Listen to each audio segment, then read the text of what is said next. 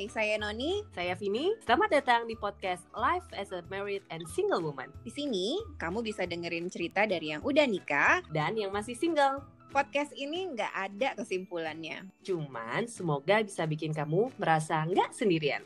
Selamat mendengarkan.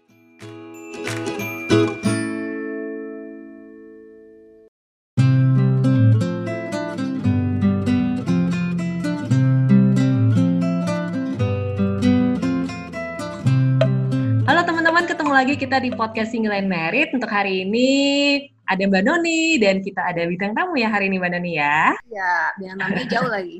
jauh nih. Langsung aja kita kenalin hari ini kita akan ngobrol bareng Mbak Aisa. Ailsa. Ailsa, sorry. Ya, Panggilnya Mbak Ai ya. Ai, haha. Oke, okay. Mbak Noni, kita hari ini mau ngobrol apa sama Mbak Ai? Jadi minggu lalu itu sebenarnya aku udah ngobrol berdua sama Ai tentang scam online dan hari hmm. ini kita mau ngobrolin sambungan dari itu sebenarnya ya Ai ya. Betul.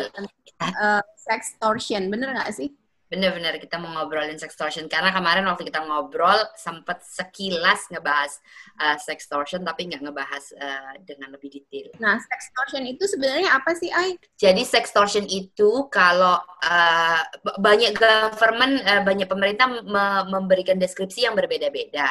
Tapi secara general, sextortion itu webcam uh, organized crime uh, melalui internet. Uh, biasanya lewat webcam, ada yang menyebut juga sebagai uh, webcam extortion uh, yang tujuannya uh, jelasnya minta uang sih uh, dari apa namanya dari victimnya dengan cara pemerasannya itu pakai foto atau video. Mereka bilang uh, kalau mereka udah punya foto kita atau uh, video kita yang intim, terus mereka ekstor hmm. kita uh, uh, uang, minta uang. Jadi gitu sekilas sextortion itu uh, apa namanya organized crime. Korbannya kebanyakan laki-laki. Uh, kalau kalau kalau kemarin minggu kemarin kita ngebahas scammer, itu korbannya beragam. Ini kebanyakan laki-laki. Tapi hmm. rentang usianya bermacam-macam dari yang pensiunan, umurnya jadi udah uh, udah uh, senior sampai anak-anak uh, remaja dan kadang-kadang ada yang di bawah umur ya karena melalui internet, terus bisa lewat game, bisa lewat uh, dating site. Kalau yang anak-anak itu jauh. Sebenarnya nggak nggak hanya orang tua sih, uh, anak-anak pun sama sama-sama rentannya.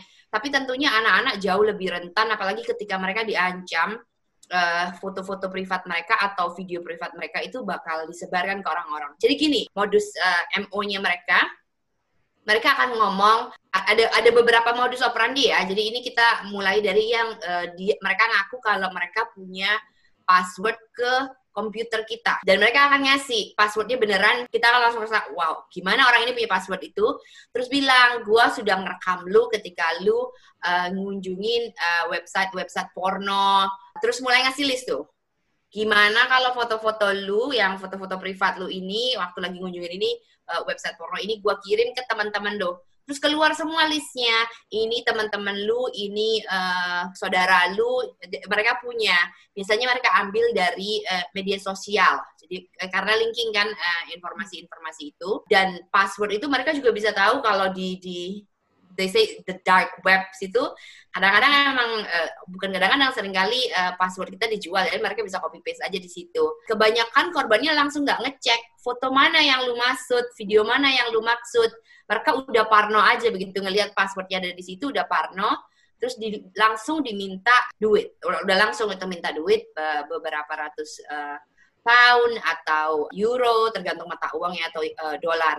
Kalau mulainya ratusan, kemudian kalau terus menerus dikasih, mereka akan minta lebih, uh, minta terus menerus. Ada kalanya juga mereka minta minta nggak minta uang dulu, tapi minta video lagi atau minta foto yang lebih intim lagi. Ini kalau yang minta foto lebih intim lagi, gue menduga biasanya mereka nggak punya foto, terus mereka bikin basis dulu dengan minta foto itu kalau korbannya pinter, mereka akan lapor ke uh, yang berwajib. Kalau korbannya sebenarnya mungkin penggunaan kata pintar nggak tepat kali ya. Karena kadang-kadang orang malu kebanyakan kasus-kasus seperti ini tuh underreported yeah. karena mereka malu. Mereka kasih duit nanti dimintain duit lagi. Tapi ada banyak kasus yang mereka udah nggak bisa cope jadi dimintain duit. Anak-anak umur 18 17 eh, gitu dimintain duit mereka nggak punya duit. Mereka minta sekian ratus uh, euro. Akhirnya bunuh diri. Ada kasus di Irlandia uh, gue lupa namanya Ronan apa ya uh, yang sempat rame beberapa tahun yang lalu dia jadi korban seperti ini dia bunuh diri. Dan sayangnya dia bukan satu-satunya. Ada banyak sekali kalau kita kita cari informasi ada banyak sekali kasus-kasus orang-orang yang uh, bunuh diri karena uh, sextortion. Itu baru satu modus operandi ya yang bunuh diri tadi yang anak-anak. Yang terakhir kasus terakhir yang gue baca itu tiga empat tahun yang lalu yang bunuh diri anak-anak. Tapi gue yakin kalau lu cari uh, uh, kalau lu cari Google uh, sextortion victim yang bunuh diri ada banyak banget pasti. Anak-anak ini usia berapa, Mbak? Uh, di bawah 20 tahun. Oke. Okay. Jadi usianya di bawah 20 tahun. Uh, hmm. ini waktu itu kasusnya rame uh, di di di di mana-mana di berita di Irlandia. Uh, kejadiannya di Irlandia Utara Irlandia Utara sama Irlandia Selatan kan uh, yang Republik borderless ya rame di mana-mana satu hmm. satu Irlandia, Irlandia rame gitu. Ronan dari County Tyrone kalau gua nggak salah inget itu. Hmm. Terus uh, itu baru satu modus. Ada modus lain yang lebih canggih sebenarnya. Gue sampai sekarang masih impress. Mereka uh, ngajak video call mereka ngajak video call, terus video callnya ini lewat uh, bisa Skype, bisa any kind of uh, media. Nah, terus di video call ini somehow ceweknya nanti bakal I don't know, menari nari secara seksual, uh, bahkan tidak berpakaian, memancing uh, lawan bicaranya untuk melakukan, um, aku boleh sebut apa enggak ya ini? Hmm, boleh. Untuk melakukan aktivitas seksual lah ya. Hmm. Untuk melakukan aktivitas seksual, terus dia nanti minta kameranya turunin dikit dong biar bisa lihat. Tapi nggak berguna kalau kameranya cuma di bawah uh, pusar. Kameranya harus di bawah pusar uh, mencakup bawah pusar dan muka. Karena kalau cuma bawah pusar doang nggak bisa diidentifikasikan ini siapa. Nah, cewek-cewek ini nanti uh, cewek-cewek yang yang uh, di video ini uh, sama nggak nggak ngomong jadi dia cuma video doang uh, nanti chatting sama cowoknya uh, terus cowoknya direkam pada saat melakukan itu. Begitu selesai video call langsung uh, dia bilang aku punya video ini ini tadi aku rekam aku minta uh, sekian ratus sekian ribu dikirim lewat bisa Western Union atau uh, kebanyakan Western Union sih ya atau medium-medium uh, lain. PayPal juga ya Uh, PayPal juga ha, ada beberapa sih yang yang mereka ini. Uh, terus habis gitu uh, minta dikirim secepatnya. Begitu dikasih sekali biasalah kayak snowball, minta lagi, minta lagi, minta lagi. Ada beberapa triks dan trip tips yang di yang dianjurkan kalau untuk kejadian-kejadian kayak gini. Yang paling penting itu harus segera lapor. Dan kebanyakan orang nggak mau lapor karena mereka malu karena ya ini urusan priv oh, urusannya mengandung uh, anggota tubuh yang privat sih ya. Belum lagi orang bakal bilang bodoh banget percaya gitu-gitu kan? Ah, jelas uh, mereka pasti akan di, di, disalahkan uh, kurang kurang cerdas, bodoh dan lain sebagainya, naif, nggak percaya kok bisa dengan mudahnya percaya. Tapi ya siapa yang yang menduga uh, mereka mungkin udah bangun keras uh, kepercayaan secara cepat. Uh, cepat sih biasanya uh, modusnya kalau begini Terus habis gitu manusia juga suka dengan hal-hal yang berbau dengan seksual, uh, apalagi kemudian gratisan gitu kan. Terus cewek-ceweknya cantik, biasanya uh, biasanya luar biasa cantik, ya, yang apa namanya? Uh, jadi yang yang too good to be true gitulah. Jadi jelas yang kayak wow, nggak nggak bisa nolak kesempatan emas gitu. Mm -hmm, Kasian, kasian okay. banget. Iya, mungkin uh, sebagai gambaran untuk teman-teman, mungkin kalau dengar episode ini, ini sebenarnya ada lanjutan dari obrolan Mbak Noni ya sama Mbak Ai sebelumnya tentang scammer online ya Mbak Ai waktu itu ya? Tentang scammer online, tentang scammer cinta. Mm-hmm. Uh, Tapi, jadi waktu itu kalau scammer online itu fokusnya biasanya korbannya kebanyakan perempuan, mm-hmm. kalau sextortion ini biasanya korbannya kebanyakan laki-laki. Oh. Jadi ada kayak kotak-kotak gendernya gitu uh, hmm. nggak nggak nggak uh, bukan berarti nggak ada scammer yang mencari korban laki-laki ada hmm. cuma ini lebih terkotak-kotak Kalau yang scammer online kan motifnya awal-awalnya mereka akan kenalan, terus dijanjikan hubungan yang uh, relationship dan sebagainya. Kalau yang sextortion ini stepnya juga sama ya, kayak scammer online itu. Sextortion ini lebih cepat. Mereka bisa hmm. ada di dating site, bisa ada di gaming site, uh, oh. bisa ada di media sosial. Jadi ada di mana-mana. Uh, tapi prosesnya cepat. Udah langsung targetnya mereka dan dan orang-orang kayak gini ini kan nggak bakal bisa bertahan lama di dalam media sosial karena mereka biasanya akunnya nggak lama sih udah langsung didetek uh, untuk di uh, dimatikan kan. Jadi targetnya cepat. Begitu dia tahu ini ini, ini targetnya, modusnya udah langsung ayo kita uh, video call begitu video call udah langsung merembet ke hubungan yang privat seksual uh, dari situ udah langsung pemerasan. Tapi dalam span waktu yang cepat ini mereka juga udah langsung kerja keras lah ya si si si sex, sextortionist ini. Mereka udah langsung ngambil data-data mengambil informasi-informasi tentang teman-teman kita di media sosial uh, orang-orang teman yang kantor juga orang-orang yang keluarga. Karena modusnya yaitu nanti begitu selesai uh, video call udah langsung di ini di apa namanya diperas ancamannya menggunakan nama-nama orang-orang ini gitu. Hmm. Jadi sebenarnya mereka melakukan itu mereka kayaknya udah melakukan ini ya kayak apa sih udah ngecek duluan sosial medianya si orang ini siapa orang-orang yang deket sama dia temennya orang kantornya ngeri juga ya udah langsung gua gua nggak bayang sih orangnya pasti well organized banget kayak Marie Kondo gitu yang yang uh, oke okay, ini victimnya Noni uh, teman-temannya Noni yang ini. Terus habis gitu nanti uh, uh, nyari Vini Vini ini mungkin dia punya file khusus. Terus habis gitu ini teman-temannya Vini. Uh, udah langsung dicek semua dan di file semua sama mereka. Uh. nah, terus sekarang kan gampang banget dengan sosial media kita tag tag orang juga kan mereka pasti udah catetin deh itu semuanya ketahuan semua, gampang banget. Bisa langsung ngecek di LinkedIn, bisa ngecek di Instagram atau di Facebook, di mana-mana udah udah. Uh, kita ini kayak open book gitu kan, yang you can you can see my word and my circle. Hmm. Tapi Mbak kalau secara uh, kan Mbak Ait lumayan aktif nih ngikutin isu-isu ini, tapi secara uh, statistik untuk korbannya lebih banyak yang korban perempuan atau laki-laki sih atau sama aja?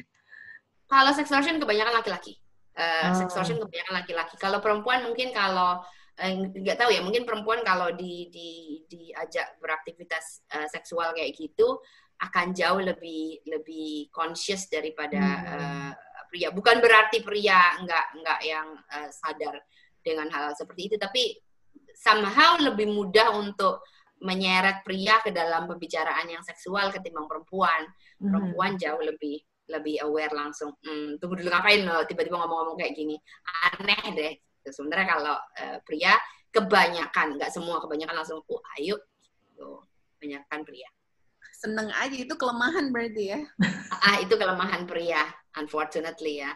Uh. there is no such thing as free sex ya. Oh, mungkin itu yang harus di uh, harus diingat. Begitu hmm.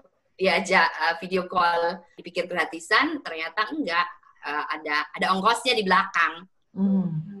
Hmm. Tadi kan kalau sextortion banyak laki-laki, tapi kan Mbak Ai kan juga eh, sempat nulis soal ini, juga aktif ngomongin ini di Instagram. Nah itu untuk orang-orang yang reach out ke Mbak Ai, secara gender masih tetap uh, sama atau lebih banyak cewek atau lebih banyak cowok uh, seks atau uh, online secara umum? Terus terang gue nggak pernah dikontak kalau pria-pria yang korban seks hmm. sextortion gue nggak pernah dikontak. Kebanyakan perempuan yang hmm. korban hmm. uh, scammer atau calon korban scammer itu jauh lebih banyak daripada uh, korban sextortion. Again, mungkin ini juga kembali lagi mereka yang uh, uh, yang uh, apa namanya korban-korban sextortion ini cenderung malu untuk berbicara uh, atau melaporkan hal-hal seperti ini.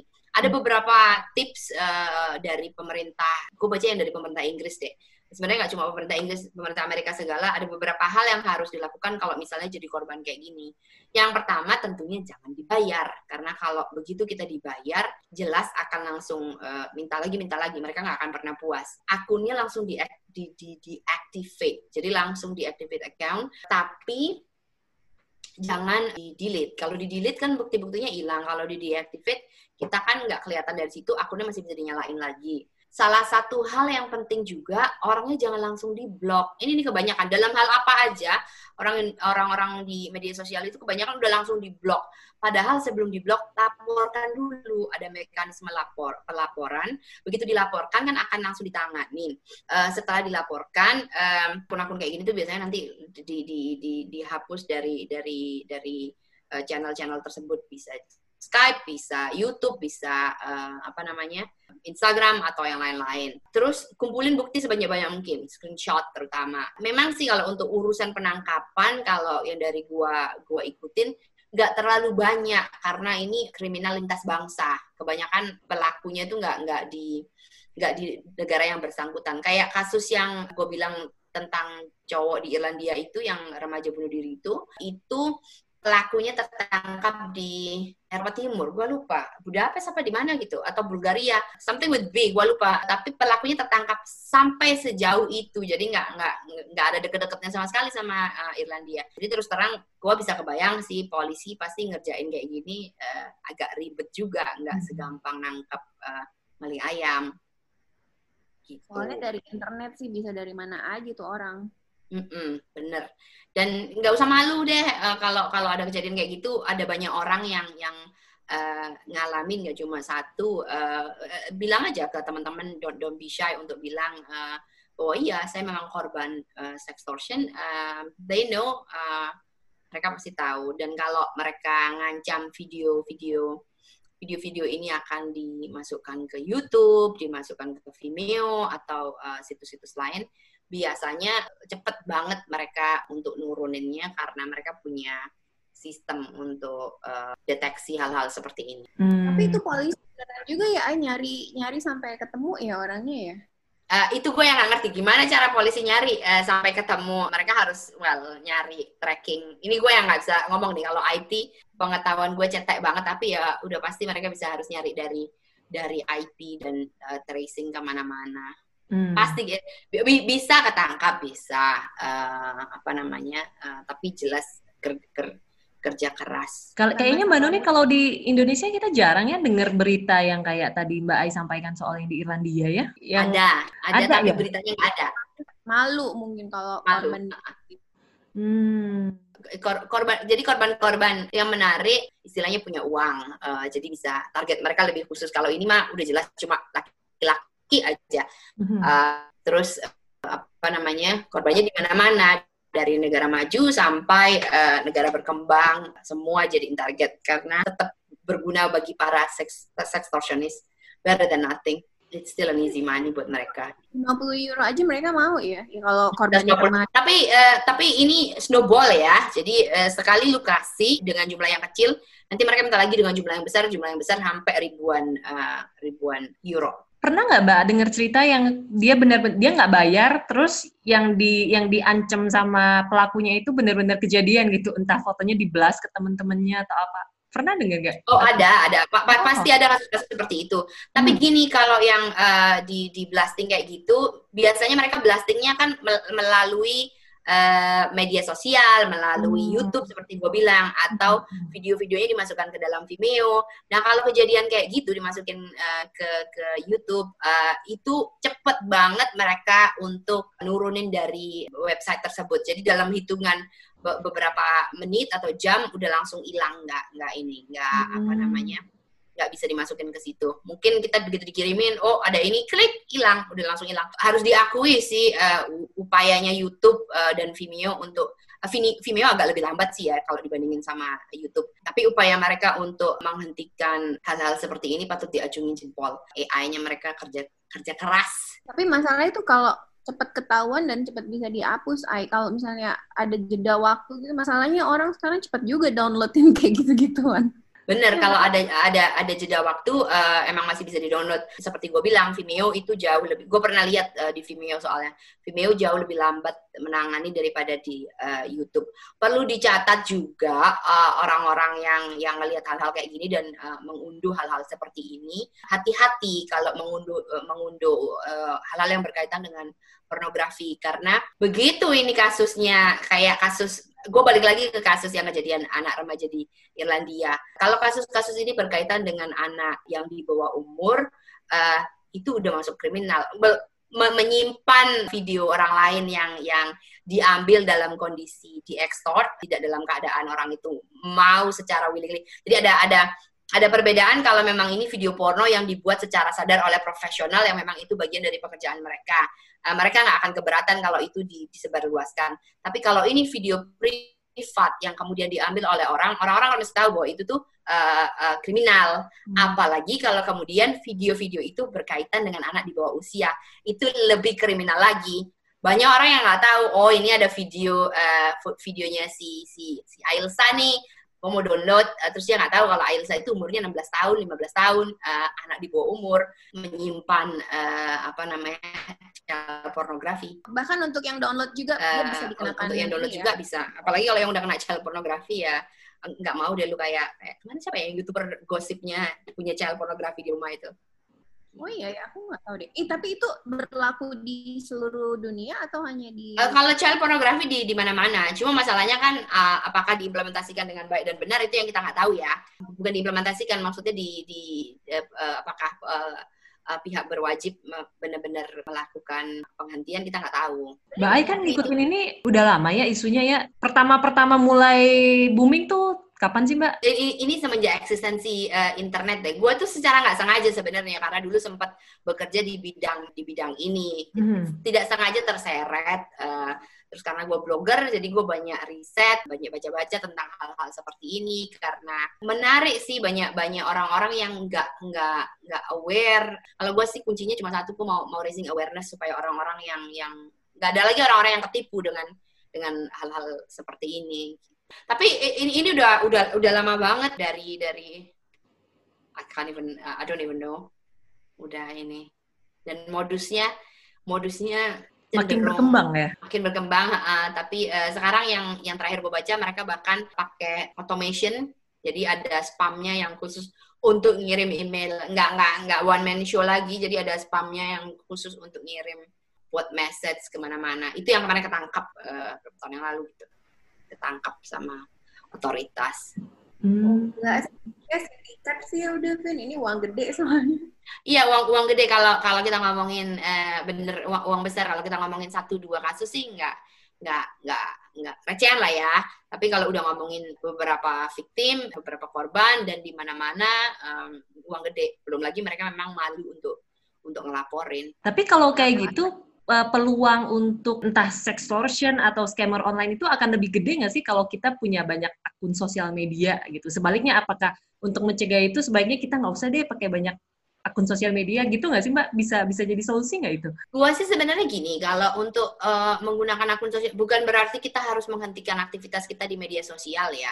Cuma mungkin lebih hati-hati ketika ketika kita berbicara dengan orang-orang yang kita nggak tahu. Hmm. Karena dulu deh kalau ngobrol sama orang, terus obrolannya itu tiba-tiba terseret ke hal-hal yang uh, nggak nggak normal, udah tiba-tiba kalau udah mengikuti kalau udah pembicaraannya topiknya udah harus mulai tanda tanya. Ntar dulu ntar dulu. Stop tanda tanya.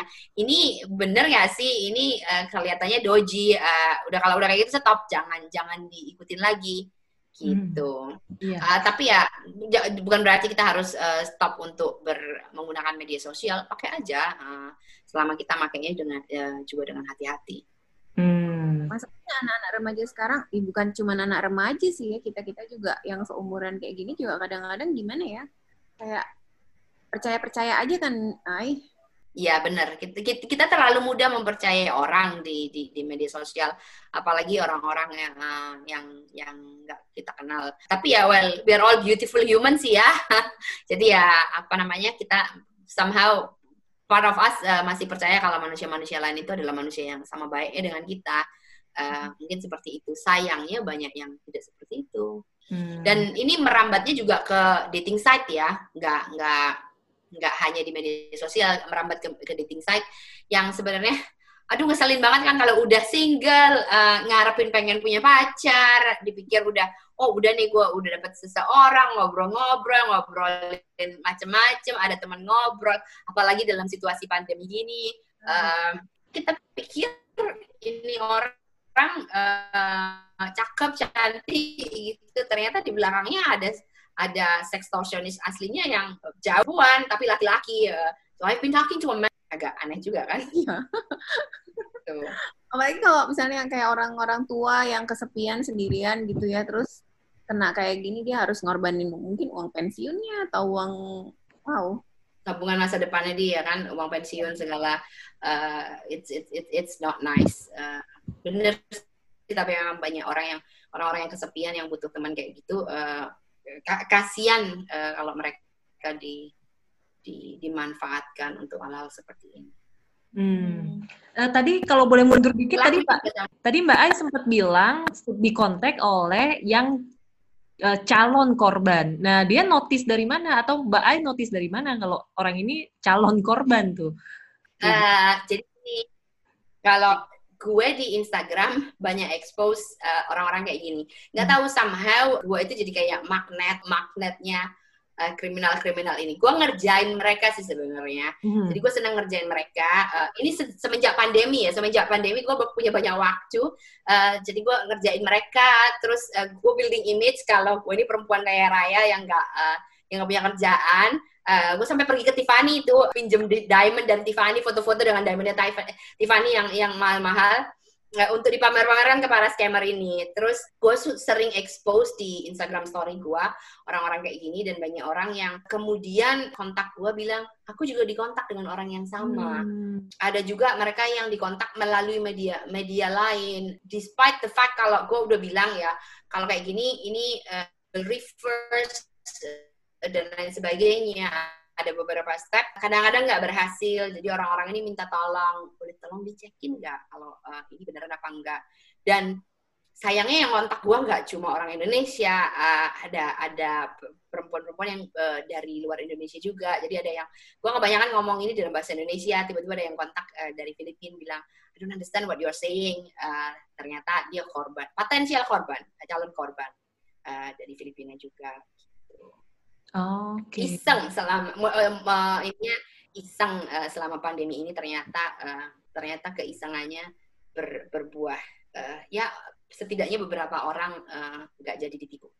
Kayaknya dua hari lalu kamu juga ada posting juga kan, Ai?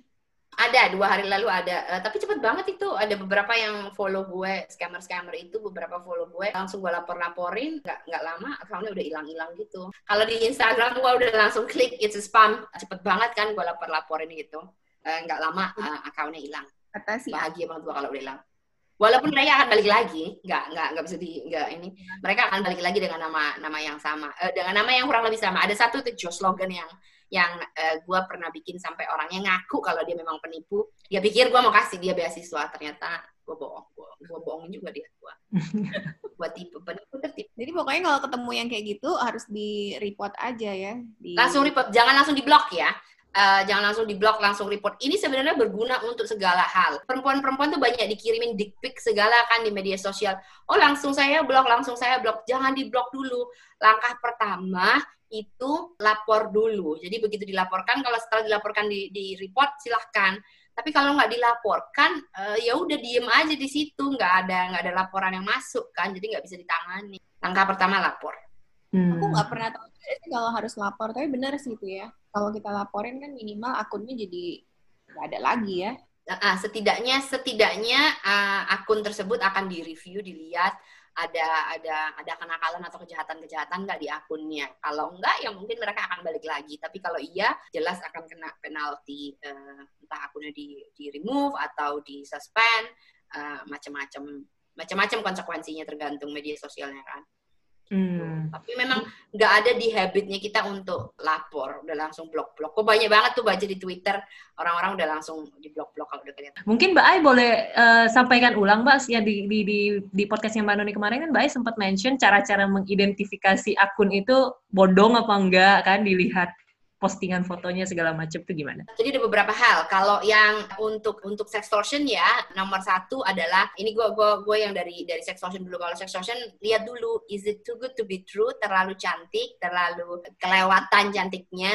Uh, bukan berarti you don't deserve somebody yang yang cantik, tapi uh, biasanya udah kelewatan karena mereka ngambil ngambil foto-foto palsu jelas. Terus kalau udah mulai dipindahkan conversation maksudnya dari mulai uh, jadi ngobrolnya let's say ngobrol di dating site terus abis gitu dipindahin diajak ke Skype atau diajak ke medium lainnya mulai tanda tanya. Kalau udah mulai nyeret-nyeret ke seks, ngobrolin seks nggak masalah.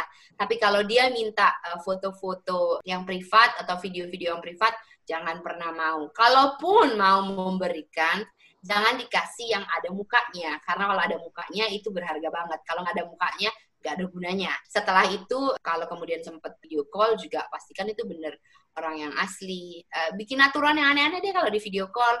Oke, okay, kita video call tapi kamu pakai baju kuning ya atau kamu pakai baju uh, biru ya gitu-gitu. Untuk tahu bahwa ini memang benar-benar orang yang uh, yang uh, kita ajak ngobrol.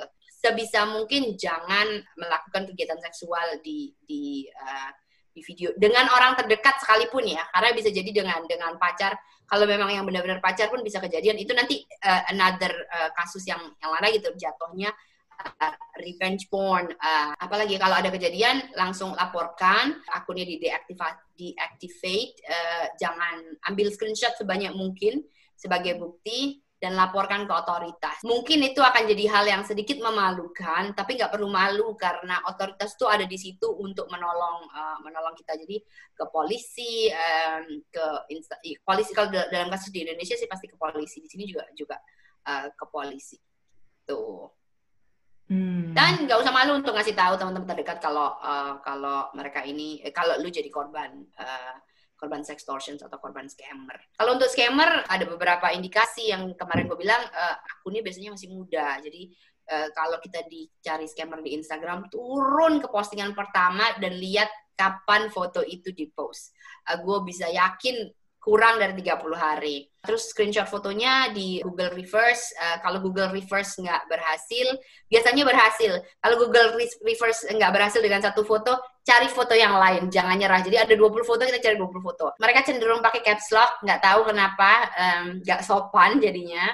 Uh, itu juga salah satu indikator memakai pekerjaan-pekerjaan yang cenderung wow, kayak sebenarnya salah sih cenderung wow karena semua pekerjaan itu wow tapi di dalam masyarakat kita beberapa pekerjaan dianggap jauh lebih baik daripada pekerjaan yang lain kayak pilot, dokter atau uh, militer um, dan kalau militer ini di mana-mana udah ada yang militer versi Indonesia, ada yang militer versi uh, luar negeri uh, atau anggota uh, PBB Persatuan Bangsa-Bangsa. Jadi mereka mengambil posisi-posisi uh, seperti itu gitu.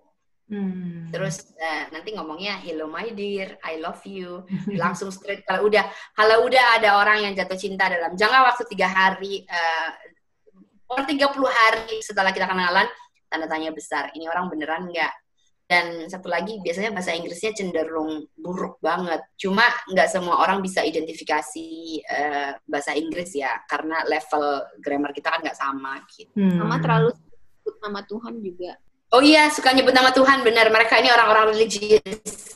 Uh, iya, mereka ini orang-orang religius. nyebut yang, nama Tuhan? Gimana kejadiannya kalau uh, mereka ini orang-orang religius yang somehow dodgy banget. Sering banget mereka nyebut nama Tuhan yang yang kayaknya somehow untuk impress uh, impress kita. Kalau di victim victim sextortion sih mereka sebut nama Tuhan untuk menyalahkan victimnya karena victimnya uh, melakukan dosa gitu. Kalau kalau yang yang ngobrol-ngobrol gini, mereka hanya untuk menunjukkan kalau mereka ini hamba Tuhan yang sangat uh, religius. Jadi mungkin kredibilitas mereka jauh lebih terjamin uh, atau mereka jadi kelihatan lebih baik ketika sebut-sebut nama Tuhan. Nggak tahu mungkin orang kelepak-lepak kali ya kalau ada orang religius yang ngajak ngobrol. Kalau gue sih yang please deh, keep it private gitu. Tapi percaya, ay, nggak mungkin kan dia bohong, mungkin gitu kan? Ya benar benar benar, jauh lebih ter terpercaya. Oh, sama sama tadi Google Google Reverse itu berarti yang harus diambil adalah foto-foto mukanya itu ya. Kalau foto pemandangan hmm. bukan bisa ya. Enggak. Kadang-kadang gini yang yang suka lucu kalau kalau Google Reverse itu kita foto orangnya, orangnya lagi foto di depan pemandangan yang diambil sama Google Reverse pemandangannya. Makanya harus harus gigi kalau nyari foto foto-foto ini harus gigi gua gue biasanya udah gue ambil screenshot nanti gue snip lagi gue potongin lagi fotonya sampai benar-benar precise. Nanti keluar model keluar model-model jas yang yang aneh-aneh gitu deh. Tapi ya itu ada beberapa foto uh, biasanya gue nggak cuma satu foto beberapa foto langsung uh, ini. Gue googling. Pasti ketemu nggak mungkin ketemu nggak ketemu. Sama lihat juga followersnya ya Ay kalau followers oh, iya. misalnya cowok kan cewek. Terlalu banyak cewek hati-hati juga kan Good point, uh, Nani. Thanks for the reminder. Iya benar. Jadi gini kalau kalau follow mereka cenderung mengambil followersnya atau yang account yang mereka follow dari satu gender aja. Ini berlaku dalam dua hal dari si scammer sama si sextortionist. Kalau sextortionist mereka ngambil uh, contoh uh, ngambil followernya jelas uh, cowok semua. Kalau yang scammer kebanyakan uh, perempuan semua. Tapi di salah satu ini yang menarik di salah satu um, follower itu pasti ada satu account yang gendernya opposite. Orang yang datang dari negara yang lain yang dari pengalaman gue kebanyakan mereka datang dari Afrika. Tiba-tiba nongol aja di antara foto-foto perempuan-perempuan itu ada satu gitu. Kalau gue sih yakin itu pasti uh, account uh, pelakunya. Nuduh gue nuduh nuduh tanpa bukti. Uh, tapi gue yakin itu akun uh, pelakunya Uh, terus kadang-kadang juga banyak akun scam lain-lainnya yang juga nyangkut di akun itu. Itu kayak buka uh, kalau kita buka uh, followers mereka tuh kayak buka uh, kotak Pandora. Sama kalau sebenarnya untuk sekarang itu kebanyakan kalau kita ngomongin Instagram misalnya, akun-akun itu kebanyakan akun bule nggak sih Mbak? 90% nggak dibandingkan yang lokal?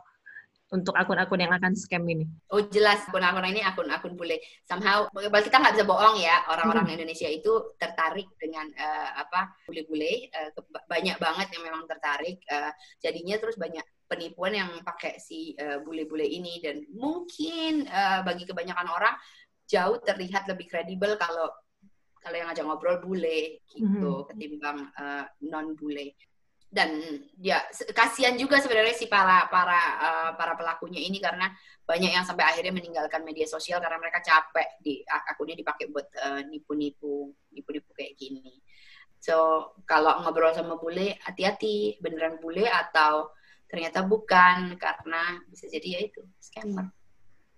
Hmm. Yang paling banyak kejadian sebenarnya dari sosial media yang mana ya, Ai? Oh, gue nggak tahu kalau itu. Uh, terus terang gue nggak ngerti uh, banyak kalau dalam secara statistik banyak kejadian di mana. Uh, tapi gue nggak pernah, gue secara pribadi nggak pernah ngalamin di Facebook. Tapi gue tahu ada orang-orang yang Facebooknya jadi kayak magnet buat uh, scammer ini. Um, gue banyak ngeliat yang yang yang gue banyak lihat itu karena gue lebih aktif di Instagram. Gue banyak banget lihat di Instagram akun-akun kayak gini. Di Twitter gue nggak pernah lihat. Bukan berarti di Twitter nggak ada. Uh, ada hashtag-hashtag tertentu di Twitter yang yang dipakai untuk untuk kayak gitu. Tapi yang yang yang banyak di dipakai yang yang berdasarkan pengalaman gue gue banyak lihat di uh, Instagram. Tapi seperti gue bilang ini lintas uh, media sosial. Bisa jadi ngobrol di Instagram nanti mereka minggir ngajak keluar, ayo kita uh, Skype atau ngobrol lewat media sosial lain yang jauh lebih uh, aman atau encrypted, jadi mereka nggak bisa ditangkap dan nggak ada barang bukti karena obrolan-obrolan pertama ada di Instagram, setelah itu keluar uh, ngobrol di uh, WhatsApp atau ngobrol di uh, media media lainnya. Skype, terus abis gitu ada video, videonya dimasukkan ke Vimeo atau dimasukkan ke YouTube, jadi udah lintas lintas berbagai uh, media sosial. Hmm. Dan lintas usia juga ya udah pasti itu ya. Semua lintas usia. usia kalau, kalau uh, lintas usia uh, rentang rentang usia korban itu bermacam-macam dari remaja sampai orang tua. Uh, rentang usia uh, pelaku kalau pelaku itu mereka adjust rentang usia. Ada kalanya kalau mereka sama anak-anak, anak-anak remaja, mereka adjust usia mereka supaya mereka berada di usia yang sama dengan anak-anak ini menggunakan bahasa-bahasa yang sama. Jadi anak-anak ini nggak ngerasa kalau mereka ngobrol dengan orang-orang yang jauh lebih tua gitu. gitu. Kalau yang orang tua mah macam-macam uh, karena preferensi mereka macam-macam. Mereka bisa prefer yang seusia atau mereka bisa prefer yang muda atau bahkan bisa prefer yang uh, ilegal di bawah umur. Mhm. Gak pandang bulu ya, pokoknya apa aja deh. apa aja udah langsung di, di, disikatin semua. dan nggak ada berarti cara satu-satunya cuma harus lebih aware ya lebih yang kayak Mbak Ai bilang tadi ya jangan terlalu cepat percaya gitu ya. Bener nggak dan nggak ada nggak ada nggak ada cara maksudnya ya uh, magnetnya kita jangan jangan jangan cepat percaya. Uh, sama rajin lapor-lapor kalau kalau emang kejadian kayak gitu rajin lapor-lapor kalau mau orang kan di blok. Lain buang-buang waktu ngurusin beginian? Kalau gue uh, mungkin buang-buang waktu semenit dua menit tapi setidaknya akun-akun kayak gitu bisa di, di matiin hmm. kayaknya aku juga mau gitu deh kalau ada yang muncul-muncul. Satu lagi uh, kalau kebanyakan lihat foto-foto cewek seksi di Instagram, uh, ini buat para pria-pria kalau ada uh, pendengar yang pria, uh, mereka suka ngasih link di profil-profil Instagramnya. Hmm. Ini profil, uh, jadi foto foto mereka tuh udah udah luar biasa seksi, uh, seksi banget. Uh, terus mereka suka ngasih link di bio-nya. Kalau lu mau sesuatu yang gratisan, klik uh, link ini. Aku sering dapet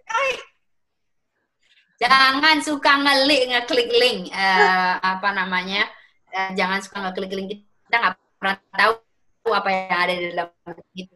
Tapi yang jelas lu nggak bakal dapat porno. Kalau aku tuh sering dapetnya tuh yang kalau kamu mau gratis apa gitu, klik link ini. Tapi foto si ceweknya itu seksi banget atau cowoknya tuh yang telanjang dada topless gitu. Nah itu dia tadi. Ya itu langsung record. Uh, cepet ya? sih ada ada tiga tiga dot gitu kan di di Instagram itu. Uh, tinggal uh, pencet itu terus langsung yang sama keluar kan uh, it's it's spam. Terus yang kedua it's it's other. Gue selalu pilih yang pertama uh, it's spam. Hmm uh, untuk untuk ngelaporinnya. Tapi ya itu jangan pernah ngeklik link uh, karena uh, there's no such thing as a free point. Kalau mau langsung sekalian ke uh, website porno. Jangan jangan ngambil dari uh, media sosial. Karena hmm. mereka bisa itu itu spami sih mereka bisa gue pernah kejadian salah satu anggota keluarga gue kali itu ternyata akunnya diambil di diretas um, kebetulan anggota keluarga gue ini uh, militer jadi ya akunnya diretas uh, dipakai mungkin dipakai untuk uh, scamming orang-orang. Bisa jadi mereka nanti nginstal yang aneh-aneh untuk dimasukin ke dalam komputer kita. Nah udah kalau udah nginstal yang aneh-aneh nanti mereka bisa kirim email lagi tuh. Aku punya foto privat lu gua punya password lu dan sebagainya. Uh, jadi Again kayak kotak Pandora bisa bisa banyak cabang kriminalnya bisa minggir ke mana-mana. Mbak tadi kalau report spam itu uh, stepnya ribet gak sih? Kan kalau soalnya aku pernah report spam Facebook tuh panjang banget yang harus diisi. Kalau Instagram aku nggak tahu deh. Panjang nggak itu gampang yang harus diisi? Sih. Uh, gampang banget sih kalau ini langsung aku nyoba buka ya. Kalau uh, apa namanya? Langsung tiga titik itu yang yang yang kita incer terus nanti dia keluar dua. At, kalau gua nggak salah inget sih yang atas spam yang bawah in, inappropriate. Kalau yang inappropriate memang harus milih satu-satu. Milih salah salah satu dari uh, kategorinya itu. Terus habis gitu gampang banget sorry uh, gua hmm. kepotong gak konsentrasi nih. Jadi begitu kita klik yang tiga itu nanti dia langsung keluar uh, report. Report itu warnanya merah. Uh, di handphone gua warnanya merah ya Terus ada dua uh, yang di atas it's spam sama yang satu it's inappropriate. Kalau yang inappropriate memang pilihannya macam-macam dan kita mesti tahu ini yang mana yang yang yang tepat. Sementara kalau spam udah yang yang yang paling atas dan dia banyak banget kejadian yang gue lihat di, di Instagram. Gue kalau isa, gue suka kalau kalau lagi iseng emang suka ngeraporin gitu-gitu. It give me the pleasure. Sebulan bisa lapor berapa Mbak Ai? Pasti ada nggak per bulan? Jangan ditanya kalau gue lagi diem-diem itu kadang gue nyari-nyari hashtag-hashtag yang aneh-aneh gitu. Oh. jual follower atau jual uh, Spotify gitu. Tapi lama uh, biasanya kan kalau kita, setelah kita laporan kan mereka ngasih ngasih uh, laporan balik ke kita. Lama banget uh, ngeresponnya. Hmm. Mungkin di Instagram tuh banyak banget kali yang report kali ya? Pastinya sih banyak ini apa namanya. Padahal hmm. itu kan akun Instagram aku private ya. Aku masih dapat loh DM DM kayak gitu Mm-mm, dia masuk ke yang other ya, uh, other inbox yang uh, inbox sebelah kan? Ya. Yeah. Kalau kalau udah private harusnya orang-orang kayak gitu nggak bisa lihat ini orang nih posting apa aja gitu. Terus rasanya juga um, apa namanya profile picture aku nggak aneh-aneh kan masih aja ada dapat kayak gitu-gitu masih masih. Uh, uh, uh, emang emang emang menarik sih. Gue nggak ngerti uh, ininya mereka target targetingnya gimana semua. Tapi yang kemarin kejadian ada salah satu kejadian itu gue follow balik orangnya uh, follow balik orangnya uh, yang kemudian berakibat banyak follower gue yang uh, di add karena ada common friend uh, mereka jauh lebih percaya untuk menerima orang itu dipikir ini akun orang kredibel sementara gue uh, follow balik untuk karena gue kepo dan gue mau ngelaporin. Abis gitu dia dia ngincar banyak banget yang yang follower follower dari dari account gue. Oh, jadi settingan private public itu nggak nggak mengurangi peluang ditipu juga ya? ya nggak ini. Tergantung orangnya, Vin, kayaknya. Iya, tergantung orangnya, bener. Tapi yang jelas kalau settingan private itu mengurangi kemungkinan uh, akun kita fotonya dicuri-curi. Kemungkinan ya, bukan berarti nggak nggak nggak bisa nggak dicuri. Uh, kemungkinannya jauh lebih kecil. Uh, apalagi kalau foto-fotonya foto-foto lebih banyak foto foto kita sebagai uh, manusia bukan kalau gue sih kebanyakan foto anjing. Dan itu bisa di copy lagi sama mereka kan. Kalau kita ngelihat dari orang-orang yang di dicuri foto-fotonya itu memang kebanyakan foto diri. Uh, terus di copy copy deh sama scammer atau ini sama kriminal-kriminal ini soalnya dia perlu foto yang banyak kan jadi dia cari yang banyak posting foto diri sendiri betul gimana mbak Noni sudah ter, sudah mena, bertambah di wawasan kita. Kemarin scammer online, sekarang sextortion ya. Yang khawatir tuh ay adalah waktu aku ngetek orang gitu ya, ngetek uh, temen di sosial media itu jadi kayak ada sekarang ada beban beban moral gitu loh, takut kenapa kenapa kan jadinya. Nah, apalagi kalau kita foto berdua ya, nanti foto gue iya. disalahgunakan nggak ya? Uh, di dipakai uh, siapa?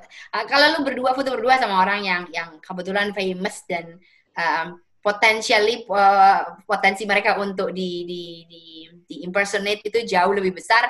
Uh, itu agak-agak was-was juga. Gue mendingan gak usah foto deh daripada nanti foto gue dipakai sama scammer. uh, nggak usah.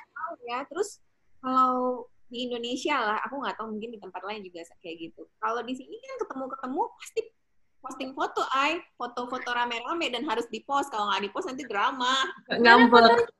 Ada kenapa nggak diposting? Ya jelas jelas. Kan di tag semua. Kamu bayangin satu circle tuh nanti satu circle arisan isinya 10 orang. Aduh. Bener, udah, makanya udah kayak mengular ke mana-mana kan udah udah menyeret ke yang mana-mana gitu dari situ mereka bisa tahu oh kamu temenan sama ini. Nanti fotonya saya sebar ke yang ini ya geng iya. arisan iya. kamu ya. Aduh geng satu geng arisan aja udah stres ay nah itulah. Tapi itu seru banget kan eh, ngeliatin. Gak tau gue sih menganggap kalau nggak uh, baca-baca hal-hal yang kayak gini tuh seru karena uh, gue nggak ngerti gimana kriminal-kriminal ini tuh bisa punya punya pemikiran sampai sejauh itu uh, punya bisa bikin modus operandi yang kayak gini itu. Menarik. Ini sebenarnya mirip juga ya Ai, sama yang kayak akunnya dihack terus dia ngirimin DM ke semua orang yang ada di yang semua orang yang ada di akunnya itu. Pernah kejadian juga ke Nisa waktu itu. Jadi kalau kita percaya kita kirim uang lah ke orang itu padahal si orang itu penjahat. Kalau gue punya punya prinsip uh, dalam hal uang, gue nggak akan pernah minjemin orang uang. Jadi kalau ada yang minta gue sama du uh, duit sama gue, uh, minta, no no no, not gonna happen, not even a cent. Uh, jadi yang kebanyakan memang kayak gitu sih, uh, dan mereka pakai account uh, orang-orang yang yang kredibel. Ada dulu mantan bos gue di salah satu instansi pemerintahan juga gitu. Akunnya dihack, uh, terus uh, orang ngelihat ini orang reputable, posisinya uh, terhormat, terus um, kalau dia pinjam uang mungkin memang benar-benar butuh uang hmm. uh, perlu uang. Jadi uh, orang jauh lebih mudah untuk meminjamkan. Apalagi mereka udah berada dalam circle itu ya. Itu itu tipe lain lain itu khas eh, bukan khas sih sebenarnya. Banyak kejadian di Indonesia banget tuh karena mungkin orang Indonesia hobi banget minjem minjemin duit. Iya baik. Baik hobi banget minjem minjemin duit. Kalau di sini mah nggak ada duit gua udah habis buat dibayar pajak lo mau minjem duit pergi ke bank deh pinjem duit oh, tapi malah di luar yang kayak gitu nggak kejadian ya, Ayah? Jarang banget gue nggak pernah dengar uh, kejadian uh, itu yang banyak gue dengar itu jauh lebih banyak di Indonesia. Uh, di sini gue nggak nggak nggak pernah kejadian. Bukan berarti nggak ada ya, gue nggak pernah ngalamin tingkat tingkat mengalami gue jauh lebih besar di di uh, di Indonesia. Hmm. Dari circle teman-teman yang dari Indonesia nggak mau ngasih pinjem juga ya. Maksudnya nggak bukan nggak mau ngasih pinjem nggak langsung percaya lagi percaya gue nggak mau kalau gue sih nggak mau ngasih. Saudara sendiri pun nggak mau ngasih gue separah itu. Um, karena uh, enggak lah daripada karena udah banyak kejadian kan nggak cuma satu dua yang akhirnya pertemanan uh, rusak dan persaudaraan rusak hanya gara-gara lima ratus ribu berapa ratus ribu uh, terus ketika kita butuh uang sendiri sebalik duitnya. Iya iya iya kalau kalau gue lagi baik biasanya gue tanya lu butuh dan itu kalau yang deket-deket banget ya uh, butuh duitnya berapa nanti dia butuhnya lima ratus ribu gitu buat bayar listrik atau buat beli susu dan lain sebagainya oke Oke, gue gak akan kasih lima ratus ribu kalau gue lagi ada rezeki lebih, gue kasih dua ratus ribu. Uh, tapi ini bukan pinjam, ini gue kasih. Abis gitu kapok, nggak bakal lagi balik. Uh, jadi dua ratus ribu itu adalah harga yang harus gue bayar supaya gue nggak diganggu lagi. Ini tips tambahan ya di luar sextortion ya. Di luar sextortion, uh, bagaimana menghindari pinjam pinjam tapi gue nggak pernah nggak pernah ada nggak pernah ada kejadian di pinjam pinjam mungkin gue famous kali ya jangan pernah pinjam duit sama gue Ay, apa sih kamu untuk bisa bermain sosial media dan maksudnya bermain apa pun di internet yang aman? Minimal yeah. kita bisa menghindari lah kayak gini-gini.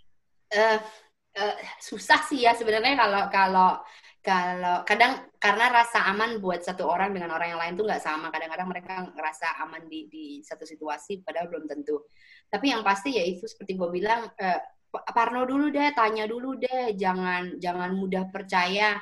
Dan mudah percaya ini nggak cuma sama orang yang baru kita kenal tapi juga jangan mudah percaya dengan orang-orang yang yang ada di lingkungan kita. Seperti gue bilang tadi bisa jadi lu pacaran uh, lu percaya banget tapi ternyata nanti satu hari um, foto-foto privat lu dipakai buat uh, revenge porn. Um, jadi kalau hal-hal yang berkaitan dengan privat seperti itu, ingat aja apa yang lu tinggalkan di internet itu jejaknya nggak akan ke mana-mana uh, dan akan ngikutin lu se sepanjang usia. Jadi uh, tanya bener-bener ke diri lu mau nggak beneran uh, meninggalkan hal-hal seperti itu. Um, jadi ya nanya-nanya sih sebenarnya banyak nanya dan be curious Iya, dan memang apa namanya hati-hati dengan data ya. Betul, uh, uh, data-data privat yang tengah lahir aja uh, itu udah gampang banget dipakai buat uh, ngehack akun-akun. Mm-hmm. Iya, iya. Sebenarnya aku aku tuh nggak pernah mau kayak sama adik aku gitu, sibling aku gitu ya, kayak berteman di sosial media. Jadi karena aku takut aku ngetek dia, terus aku nulis, oh ini adik aku, bla bla bla. Terus orang kalau ada ya kita nggak pernah tahu kapan kita sial kan No, setuju banget non. Uh, eh, gue juga cenderung untuk tidak mengekspos hal-hal yang berkaitan dengan uh, keluarga atau hal-hal yang ada sih satu dua, tapi nggak yang banyak. Uh, eh, gue nggak mau orang bisa trace lingkungan gue, circle gue, siapa keluarga gue, gue anak siapa, macam gue anak siapa aja, gue anak siapa, terus ponakannya siapa, cucunya siapa gitu-gitu. Padahal gue juga bukan siapa-siapa tapi uh, malas aja gue parno uh, agak sedikit lebih parno uh, kalau orang bisa tracing itu kemudian disalahgunakan hmm. apalagi data protection di Indonesia juga nggak sekencang di Eropa kan ya benar benar hmm.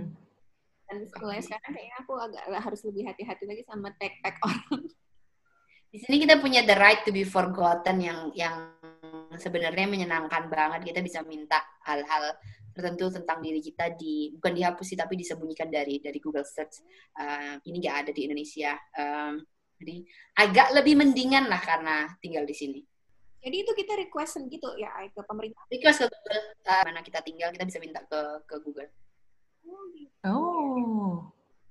bagus juga ya kalau ada ya tapi kan kita ya itu itu bagus juga untuk korban-korban uh, korban korban ah uh, aku lupa deh ada salah satu coba ada salah satu cewek yang uh, ini kasusnya kayaknya bukan sextortion, ini kasusnya kasus revenge porn.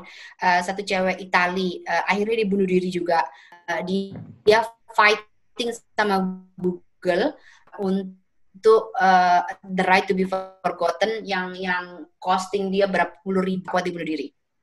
Terus setelah itu Google Google bikin jauh lebih mudah untuk untuk akses uh, the right to be forgotten. Lupa gue namanya nanti gue cari deh. Uh, ada cewek Itali korban revenge porn. Hmm, ini policy dari negaranya ya, Mbak Ayah? Ini ini policy uh, kayaknya polisinya EU deh. Hmm. Atau polisinya gue nggak ngerti ini polisinya EU atau polisinya Google. Hmm. Mungkin EU karena EU jauh lebih advance dibandingkan uh, yang lain-lain kalau untuk urusan kayak gini. Ya, bisa jadi yang bekerja dengan si Google-nya, jadi mereka kayak mm -hmm. ya. Mm -hmm. Karena uh, cewek ini dulu uh, dia dia foto foto atau video privatnya disebarluaskan uh, terus di stres uh, jadi dia minta itu di, di, di, dihapus dari dari uh, Google. Itu kalau kayak gitu berarti based on dia posting di negara itu atau gimana ya? Kalau misalnya kalau ada satu file eh, foto-foto gitu kan pasti ada metadatanya yang mereka bisa bisa pakai untuk searching. Wah, ngerti ya teknikalitas teknikalitasnya gimana uh, mereka bisa pakai untuk blocking itu dari dari sistem. Iya, tapi itu kan maksudnya kita pihak ketiga yang dari pihak kita sendiri berarti ya kita sendirilah yang harus kita harus apply kan. Uh, dan kita juga harus proteksi juga apa yang kita posting kan. Bener. Uh, itu dia. Tapi kalau yang yang yang kasus ini setahu gue itu memang mantan pacar yang mantan pacar orang ajar yang yang uh, yang sebar fotonya.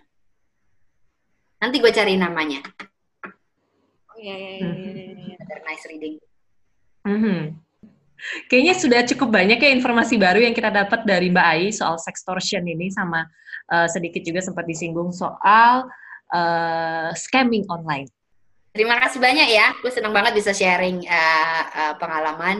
Uh, semoga berguna, apalagi di masa pandemi ini yang kita somehow sebagai manusia kita merindukan banyak banyak koneksi dengan manusia. Jadi sem uh, semoga kita bisa jauh lebih hati-hati untuk uh, hubungan dengan manusia-manusia lainnya.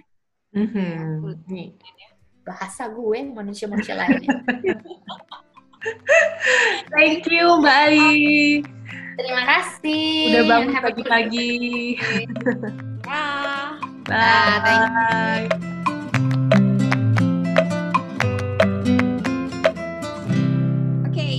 tadi obrolan kami bertiga tentang sextortion. Jadi hampir setiap minggu kayaknya kita selalu dapat ilmu baru ya Vin dari orang yang berbeda-beda. Bener banget. Dan kayaknya tema-temanya bukan tema-temanya. Dan untuk yang kali ini banyak banget hal baru yang kita dapat dari Mbak Aya, Mbak Ila. Iya, Mbak nggak hmm. pernah dengar sih soal sextortion ini. Kamu pernah nggak sih? Enggak, nggak pernah denger juga. Tapi kayaknya mungkin untuk teman-teman yang denger, biar lengkap tuh tadi kalau uh, dengerin episode yang ini, boleh klik juga episodenya Mbak Noni yang pertama soal scammer online. Karena di sana agak nyambung sedikit ya obrolan hari ini sama yang Mbak Noni ya. Ya, dan mungkin buat kamu yang juga sekarang, ya kita tahu lah ya namanya pandemi, jadi banyak orang juga uh, mulai coba, uh, apa namanya, uh, online dating dan sebagainya, mungkin ada baiknya kamu dengerin uh, yang podcast aku sama Ai, hmm. sama ini juga, terus podcast kita yang sebelum-sebelumnya juga ya, uh, hmm. yang udah bahas uh, macem-macem tentang online dating, bahas macam-macam dia pokoknya biar biar maksudnya kita juga bisa lebih hati-hati sih.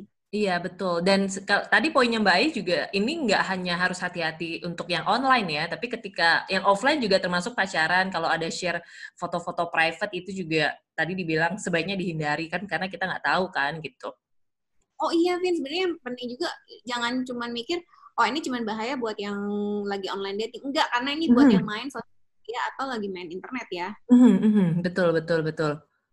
Iya, karena tadi misalnya yang tadi sextortion itu kan dia nge-track dari karena ada orang yang sempat mengakses website website porno dan sebagainya lalu di di, di jalaninya kayak gitu kan ya di trashnya gitu gila sih ya itu memang beneran udah sindikat sih. Makanya karena sindikat kita harus lebih hati-hati lagi ya. Mereka udah nggak pakai perasaan sama sekali. Betul dan yang bikin dilema kan mbak karena kan sekarang ya semuanya udah bener-bener sosmed tuh udah makanan sehari-hari gitu sesering itu kita ngeliatin itu kan. Yang artinya peluang kita untuk uh, ya amit-amit peluang kita untuk jadi korban juga semakin besar karena aktivitas kita di internet semakin banyak gitu. Wow. Ya, Oke, nggak apa-apa katanya. Tetap boleh main asal hati-hati gitu. Ya. Oke. Okay. Bijaksana. Mm -mm, betul sekali. Ya udah teman-teman, uh, sampai di sini obrolan kita untuk podcast Single and Married minggu ini. Anyway, kita promosi dong. Kita kan udah ada YouTube. oh iya, benar. Kalau saya. Iya. Jadi nanti kalau uh, ke YouTube cari aja podcast Single and Married. Bisa ngelihat kita juga di sana. Iya, bisa juga. Kamu nanti bisa kasih link aja juga, Vin, di mm -hmm. kolom deskripsi. Iya, nanti kita kasih. Oke, terima kasih sudah mendengarkan. Have a good day. Bye. Bye.